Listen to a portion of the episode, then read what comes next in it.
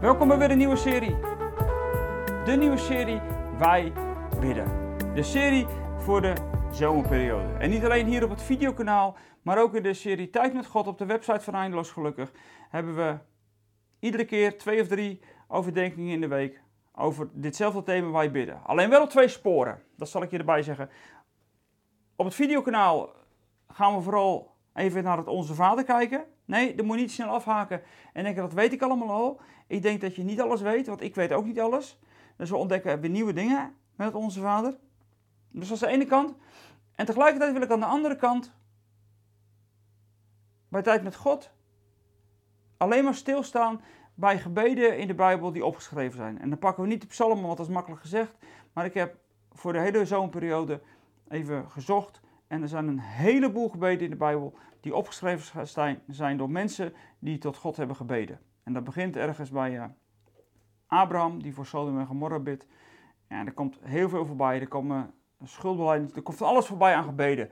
En ik zal je zo uitleggen waarom, dat ik voor deze, waarom dat we voor deze serie hebben gekozen. En waarom dat we toch nog een keertje kiezen om weer het een keer over gebed te hebben. Want misschien zeg je, Theo, maar dat heb je toch al een keer eerder gedaan. Dat klopt, want we hebben ook, ook de serie gehad door gebed. Daar ging het over de kracht van gebed.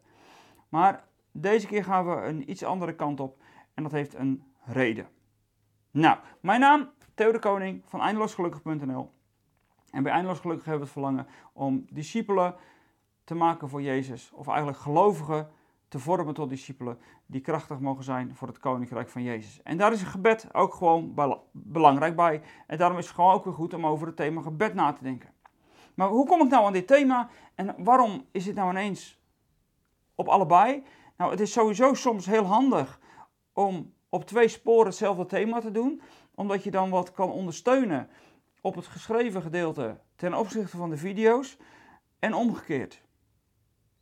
Ik doe het niet zo heel vaak dat het gelijk oploopt, want het is ook wel intensief. Je moet dan ook echt wel heel strak gaan plannen. En daar ben ik niet zo goed in. Degene die mij kennen weet dat ik nog wel een chaot ben. Dus die planning, dat weet af en toe wat.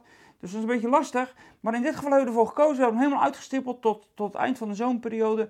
Nou ja, tot zo'n beetje, eh, volgens mij eind augustus even uit mijn hoofd. En ik wil in ieder geval zeven series of zeven video's doen over het Onze Vader en alles wat er omheen hangt.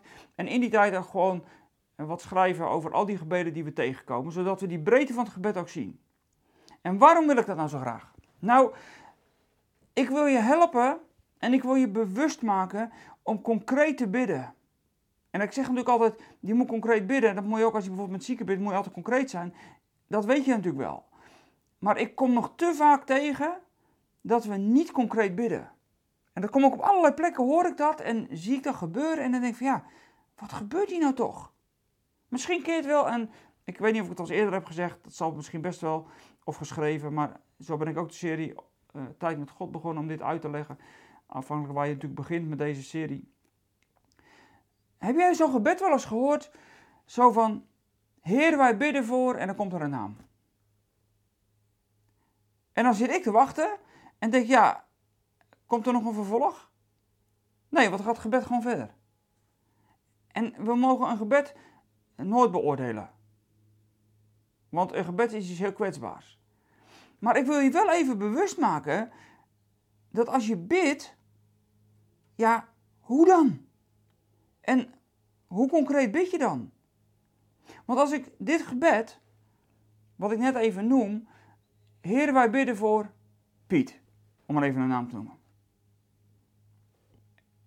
En dat is het gebed voor Piet. En ik kom het echt vaak tegen. En dan denk ik, stel je nou voor. Een van mijn dochters, ik heb er vier en ik heb nog een zoon ook. Maar stel, een van mijn dochters komt naar mij toe en die zegt tegen mij: Pap, ik vraag u. En dan komt er niks. Dat zou toch raar zijn? Dat mijn dochter tegen me zou zeggen: Pap, ik vraag u. Een van onze dochters gaat binnenkort trouwen. En die vroeg aan mij om even mee te kijken naar de liturgie voor de trouwdienst. Ja, dat snap ik. Dat je een vader die uh, in die wereld zit, laat meekijken, toch? Ja, dat is nogal simpel. Maar stel dat ze alleen maar had gezegd: Pap, wilt u even. Wat denk je dat ik zou zeggen? Nou, dan zeg ik natuurlijk: Ja, maar wat wil je dan? Of wat vraag je dan? Nou, pap, ik vraag u. Dat kan toch niet? Nou, Stel nu, we gaan voor iemand bidden en ik zou alleen maar zeggen, Heer, ik bid voor Piet. Of voor Jan, voor Willem, weet ik voor wie. Maar ik bid voor. Voel je dat God bijna altijd tegen je zegt, maar, maar joh, wat wil je dan vragen? En dat, dat je dan als het ware die stem van God hoort en denkt van, ja nou ja, ik vraag toch gewoon. Ja, maar je vraagt toch niks als je alleen maar zegt ik vraag.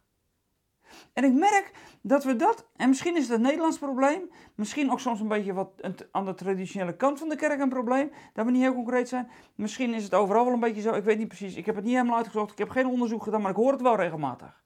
En ik merk ook bij mezelf dat ik concreet bidden ook niet altijd automatisch doe. Ik moet er ook over nadenken. En toen dacht ik, laten we dan toch nog maar eens een keer over het gebed hebben. En daarom, en ik vond de titel Heer wij bidden een beetje oneerbiedig, want dan komt hij overal te staan. Als, als, als ondertitel, zeg maar. En dan iedere keer gebruiken we die naam van God. En denk ik van, nou, moet dat er wat doen. Dus daarom heb ik er maar van gemaakt, wij bidden. En worden er drie puntjes achter, zo van, en daarna is het stil. Wij bidden. Oh ja? Wat bid je dan? Nou, wij bidden. En om daar een bewustwordingsproces in op gang te brengen, gaan we op tijd met God kijken naar al die gebeden die zijn uitgesproken, hoe concreet dat die zijn, want daar word je soms bang van. Ik ben af en toe zo vrijmoedig misschien niet eens. En aan de andere kant wil ik ook heel bewust met je naar het Onze Vader kijken. En nee, het Onze Vader, het is geen gebed wat Jezus ons leert als een vast gebed, dat enige goede gebed. Dat is het niet. Het is een gebed waarvan Jezus zegt, zo kun je bidden. Het is een compleet gebed, dat is waar. Maar het wil niet zeggen dat je het niet concreter moet invullen. Het wil niet zeggen dat dat het enige gebed is wat dan voor God goed genoeg zou zijn. Want dan zou er daarna in het hele Nieuwe Testament nooit meer gebeden zijn, alleen maar dit. Dat is natuurlijk niet waar. Maar Jezus laat je er wel iets door zien. En dat komt voort uit de vraag van de discipelen die tegen Jezus zeggen: leer ons bidden. Kennelijk vonden zij bidden dus ook lastig. En dat vinden we allemaal op zijn tijd, dat het gebed lastig is. Zeker als het over lastige thema's gaat, hoe maak je dat dan concreet? Nou, Jezus, hij uh, gaat er even op in hoe dat het gebed niet moet. En dan gaat hij ze vervolgens vertellen hoe het wel moet. Nou, hoe het niet moet is ongeveer zo. En dat lees je in Matthäus 6, dat op meer plekken uh, kom je tegen. Er zijn ook wat meerdere handschriften waar de ene wel een zin extra heeft, de andere niet. Nou, dat komt op het eind van het gebed nog wel. Dat zien we bij het laatste zinnetje wel. Daar zijn wat verschillen in. Ik wil op de Matthäus variant wel het meest ingaan, omdat die gewoon het meest compleet en ook voor ons het meest bekend is. Maar Jezus begint zo. En dat is Matthäus 6 vanaf vers 5. En wanneer jullie bidden, doe dan niet als de huigelaars die graag in de synagoge en op elke straathoek staan te bidden, zodat iedereen het kan zien. Kun je daar ook zo aan ergeren? Als iemand nadrukkelijk gaat staan bidden om eens even aan iedereen te laten zien dat hij toch wel bidt. Nou, Jezus heeft er een gruwel van. Zo is het niet bedoeld. Jezus zegt niet dat je niet op, op de hoek van de straat mag bidden. Hè? Jezus zegt niet als je iemand tegenkomt met wie een gesprek op straat hebt. En diegene zit ergens mee. En je, je rond een gesprek op straat af. Jezus zegt niet dat je dan niet mag zeggen, ik wil met je bidden. Dat moet je juist wel doen namelijk. Maar als het je op, op elke hoek van de straat om gaat, dat iedereen het zou zien dat jij lekker staat te bidden met iedereen, kijk zo goed dat ik ben. Daar heeft Jezus gruwel van, want dan zegt hij, ik verzeker jullie, zij hebben hun loon al ontvangen. En loon is dan de eer die ze krijgen van mensen, omdat die mensen zien dat ze overal bidden. Dus dan zullen ze straks in de hemel geen eer hoeven te ontvangen, want die hebben ze al op aarde gekregen. Dus dan is er geen God in de hemel die zegt, goed en getrouwe, die zegt, je hebt goed gedaan. Want je hebt het goed gedaan, dat heb je dan op aarde al gehoord. Dat is eigenlijk wat Jezus zegt, hè? Zo radicaal is hij. Dan gaat hij verder. Maar als jullie bidden, trek je dan terug in je huis, sluit de deur en bid tot je vader die in het verborgen is. En jullie vader die in het verborgene ziet, zal jullie ervoor belonen. En dat zegt Jezus niet om te zeggen, je mag alleen maar achter een gesloten deur bidden. Maar het gaat erom dat het iets is tussen jou en God. Het gaat erom dat het iets tussen iets heel persoonlijks is, maar tegelijkertijd het er dus ook niet om gaat wat men ervan vindt. Want later, de apostelen bidden ook gewoon op de pas en te oppassen overal. En natuurlijk bid je soms wel op straat of in een niet in je, op je eigen plek waar stilte is. Maar in ieder geval trek je ook terug en heb ook die persoonlijke relatie met God. Dat is wel wat Jezus hierbij zegt. En bij het bidden moeten jullie niet eindeloos voortprevelen zoals de heidenen. Dat zag je natuurlijk bij Elia al. Elia op de karmel, dan moeten die, dan moeten die Baalpriesters die wel Baal aan de, aan de praat krijgen en dat hij vuur gaat geven, dat komt niet en dan blijven ze maar aan de gang. En ik merk dat dat dichter bij onze belevingswereld zit dan dat we vaak denken. Ik kom soms van die gebeden tegen, dan denk ik van, komt hier nou helemaal geen end aan? Ik wil naar huis. Of, ik moet heel erg nodig naar het toilet. En dan blijft dat gebed maar duren en duren en alles wordt nog een keer gezegd en nog een keer gezegd. Jij zegt, dat bedoel ik niet. Zo moet je niet bidden. Blijf niet voortprevelen. Blijf niet herhalen. Blijf het niet iedere keer weer zeggen. Ik merk bij mezelf, als ik in een dienst volga, dat het gebed voor de preek echt gewoon super kort is. En het gebed na de verkondiging, dat is vooral voorbeden. En daar pas ik de preek ook toe in wat we aan God vragen. En daarna doe ik specifiek voorbeden voor alle namen die ik heb meegekregen waar ik voor moet bidden. En dan kan het gebed wel lang zijn, maar dat komt dat ik concreet, kort en krachtig voor iedereen heb gebeden en alles concreet heb gevraagd wat ik moet vragen. Snap je? Dan is het niet voortprevelen, maar dat woordje voortprevelen in de MBV, ik vind het wel een mooi woord, want dat is het dan wel. Dan blijven we een beetje aankakelen naar God toe. Jezus zegt, dat moet je niet doen. Dat doen de heidenen. Die denken dat ze door hun overvloed aan woorden verhoord zullen worden. Doe hen niet na. Jullie vader weet immers wat jullie nodig hebben, nog voor jullie het hem vragen. Je hoeft het niet tot in drie cijfers achter de komma vier keer herhaald tegen God te zeggen. God weet het al lang wat je nodig hebt. God weet ook al lang wat je wil vragen. En natuurlijk, als God tegen zegt, wat wil je dan vragen? Dan wil God jou leren om concreet te zijn naar hem toe. Maar natuurlijk weet hij het wel. Alleen hij wil er wel om gevraagd zijn. En dan zegt Jezus, bid daarom als volgt. En weet je, ik noemde dat voorbeeld net van als ik tegen als een van mijn dochters zou vragen: Papa, ik vraag u. Of pap, wilt u? Ik heb het bewust al in die sfeer van vader-kind getrokken.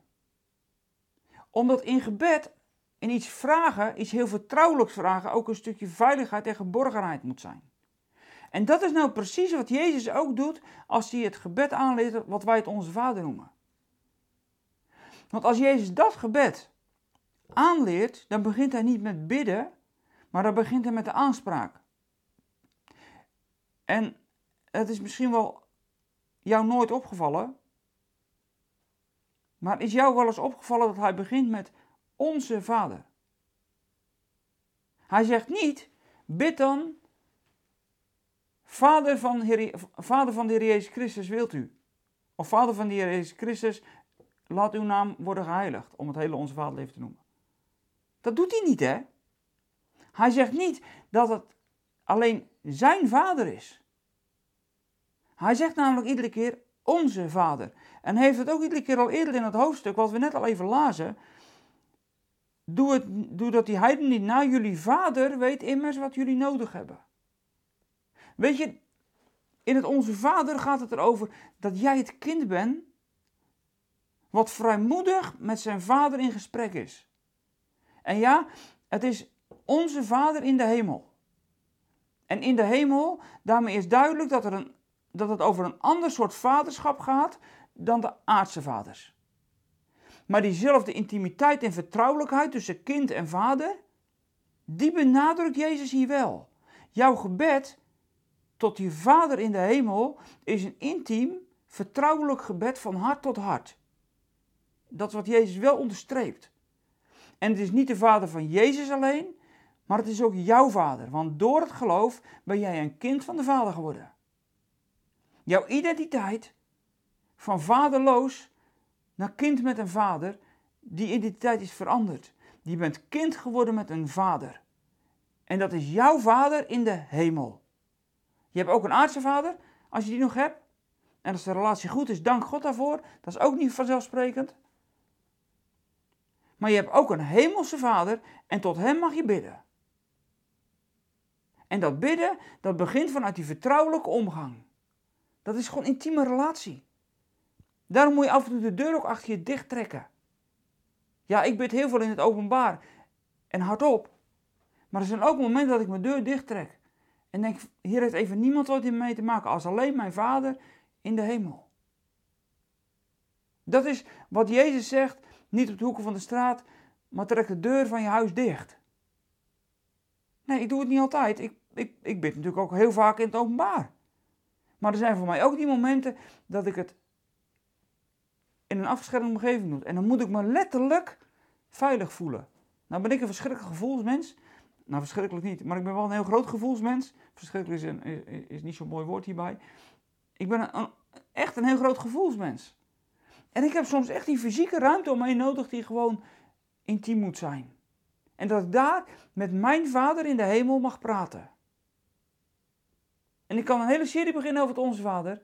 En ik kan mooi al die gebeden uitwerken. En dat gaan we echt wel doen. Maar als dit niet is geland, dan heeft het Onze Vader in een zinloze toestand. Want dan is het een God op afstand. En wat heb je er dan aan? Wat verwacht je dan van een God op afstand? Die jou niet persoonlijk zou kennen. Je bent het kind van de Vader. Je bent door Hem gemaakt. Nee, niet zoals je aardse vader jou heeft gemaakt, maar je bent gemaakt door de Vader, geborduurd in een moederschoot. Hij kent jou van steek tot steek. En als er aan ons soms een steekje los is, en ik denk aan ons allemaal op zijn tijd, dan weet hij ook nog precies welk steekje dat dat is. Snap je wat ik bedoel? Zo goed kent hij je. Als je Psalm 139 leest, dan ontdek je dat God jou zo door en door en door en door kent. Dat is de Vader tot wie je bidt, die jou kent als geen ander. Zo begint bidden. Als het gaat over wij bidden en wij vragen iets aan God, dan is het niet we bidden tot God. Ik vind het bijna afstandelijk als we bidden: God wilt u. Vader. Bijna moet je zeggen, of misschien moet je het wel zeggen: Papa. Als je later leest in Romeinen dat het over Abba, Vader gaat, dan gaat het over een bijzonder intieme manier van spreken met God. Als jouw Vader en Hij is in de hemel. Hij is de allerhoogste God. Hij is de allerhoogste koning en tegelijkertijd jouw Vader in Jezus Christus en door Jezus Christus. En je bent aanvaard en aangenomen, geadopteerd door God de Vader in de hemel. En eigenlijk is God geadopteerd niet eens goed. Want je bent bedoeld om als kind van de Vader te leven, zo ben je geschapen. Dat daar van alles tussen gekomen is, heeft ervoor gezorgd dat we uiteindelijk kinderen van een andere vader geworden zijn. Als je het geestelijk bekijkt. Dat de duivel uiteindelijk onze vader is. Dat zegt Jezus ook nog ergens. Als je niet in hem gelooft. Maar God heeft jou teruggehaald. Als je in Jezus gelooft, heeft God jou teruggehaald. En besef dat. En besef dat het een Vader is in de hemel die jou door en door kent en die vertrouwen met jou heeft. En ik wil dat dit land. Ik wil dat het jouw ziel raakt. Dat je beseft, bidden is niet zomaar een deuntje doen, maar bidden is met mijn Vader in de hemel praten, die mij zo goed kent, al mijn behoeften, al mijn verlangens kent, mijn verdriet kent, mijn pijn kent, mijn vreugde kent, mijn blijdschap, mijn liefde. Alles kent hij van me. En met dat alles kom ik bij hem. En ik zou bijna zeggen, ik kom niet eens voor zijn troon, maar ik kom gewoon aan zijn voeten. Ik kom gewoon bij hem zitten. Omdat dat de plek is waar ik thuis ben. En mag de Vader in de hemel jouw thuis zijn. Waar jij hier op aarde soms even terugtrekt op een stille plek. Om even in de intimiteit met jouw Vader in de hemel te zijn. Zo begint Jezus het gebed. Als je dan bidt, bid dan onze Vader onze, de Vader van Jezus en van jou. Bid dan onze Vader. En ik denk dat het echt moet landen. Bij de een misschien wel dieper dan bij de ander, maar dit moet even binnenkomen. En nee, ik speel nu niet op je gevoel. Ik vraag je nu om in geloof deze woorden van Jezus te omarmen.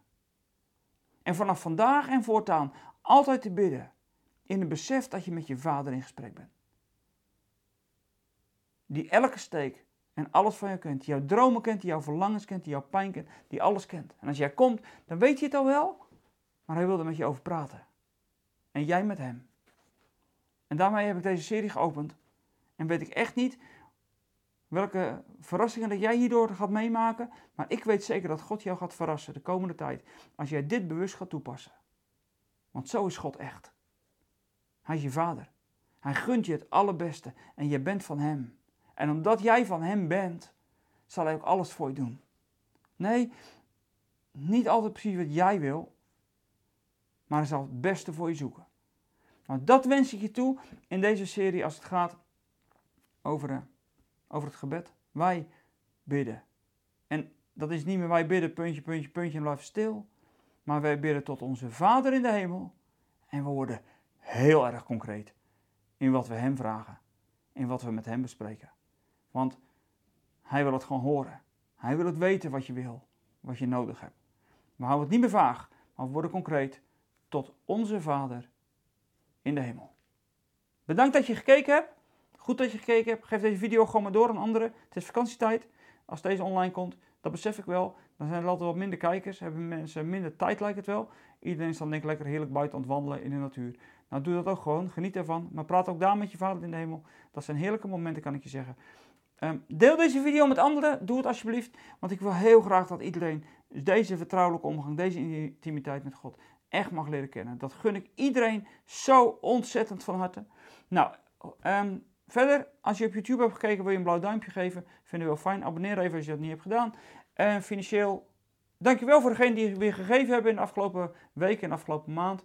Dankjewel, fijn dat je dat hebt gedaan. En degene die uh, ons financieel wil steunen, nou, we nodigen je uit om dat te doen. Vinden we heel fijn. Dan kunnen we ook door met degene waar we mee bezig zijn. Dankjewel voor nu. En ik zou zeggen, tot volgende week.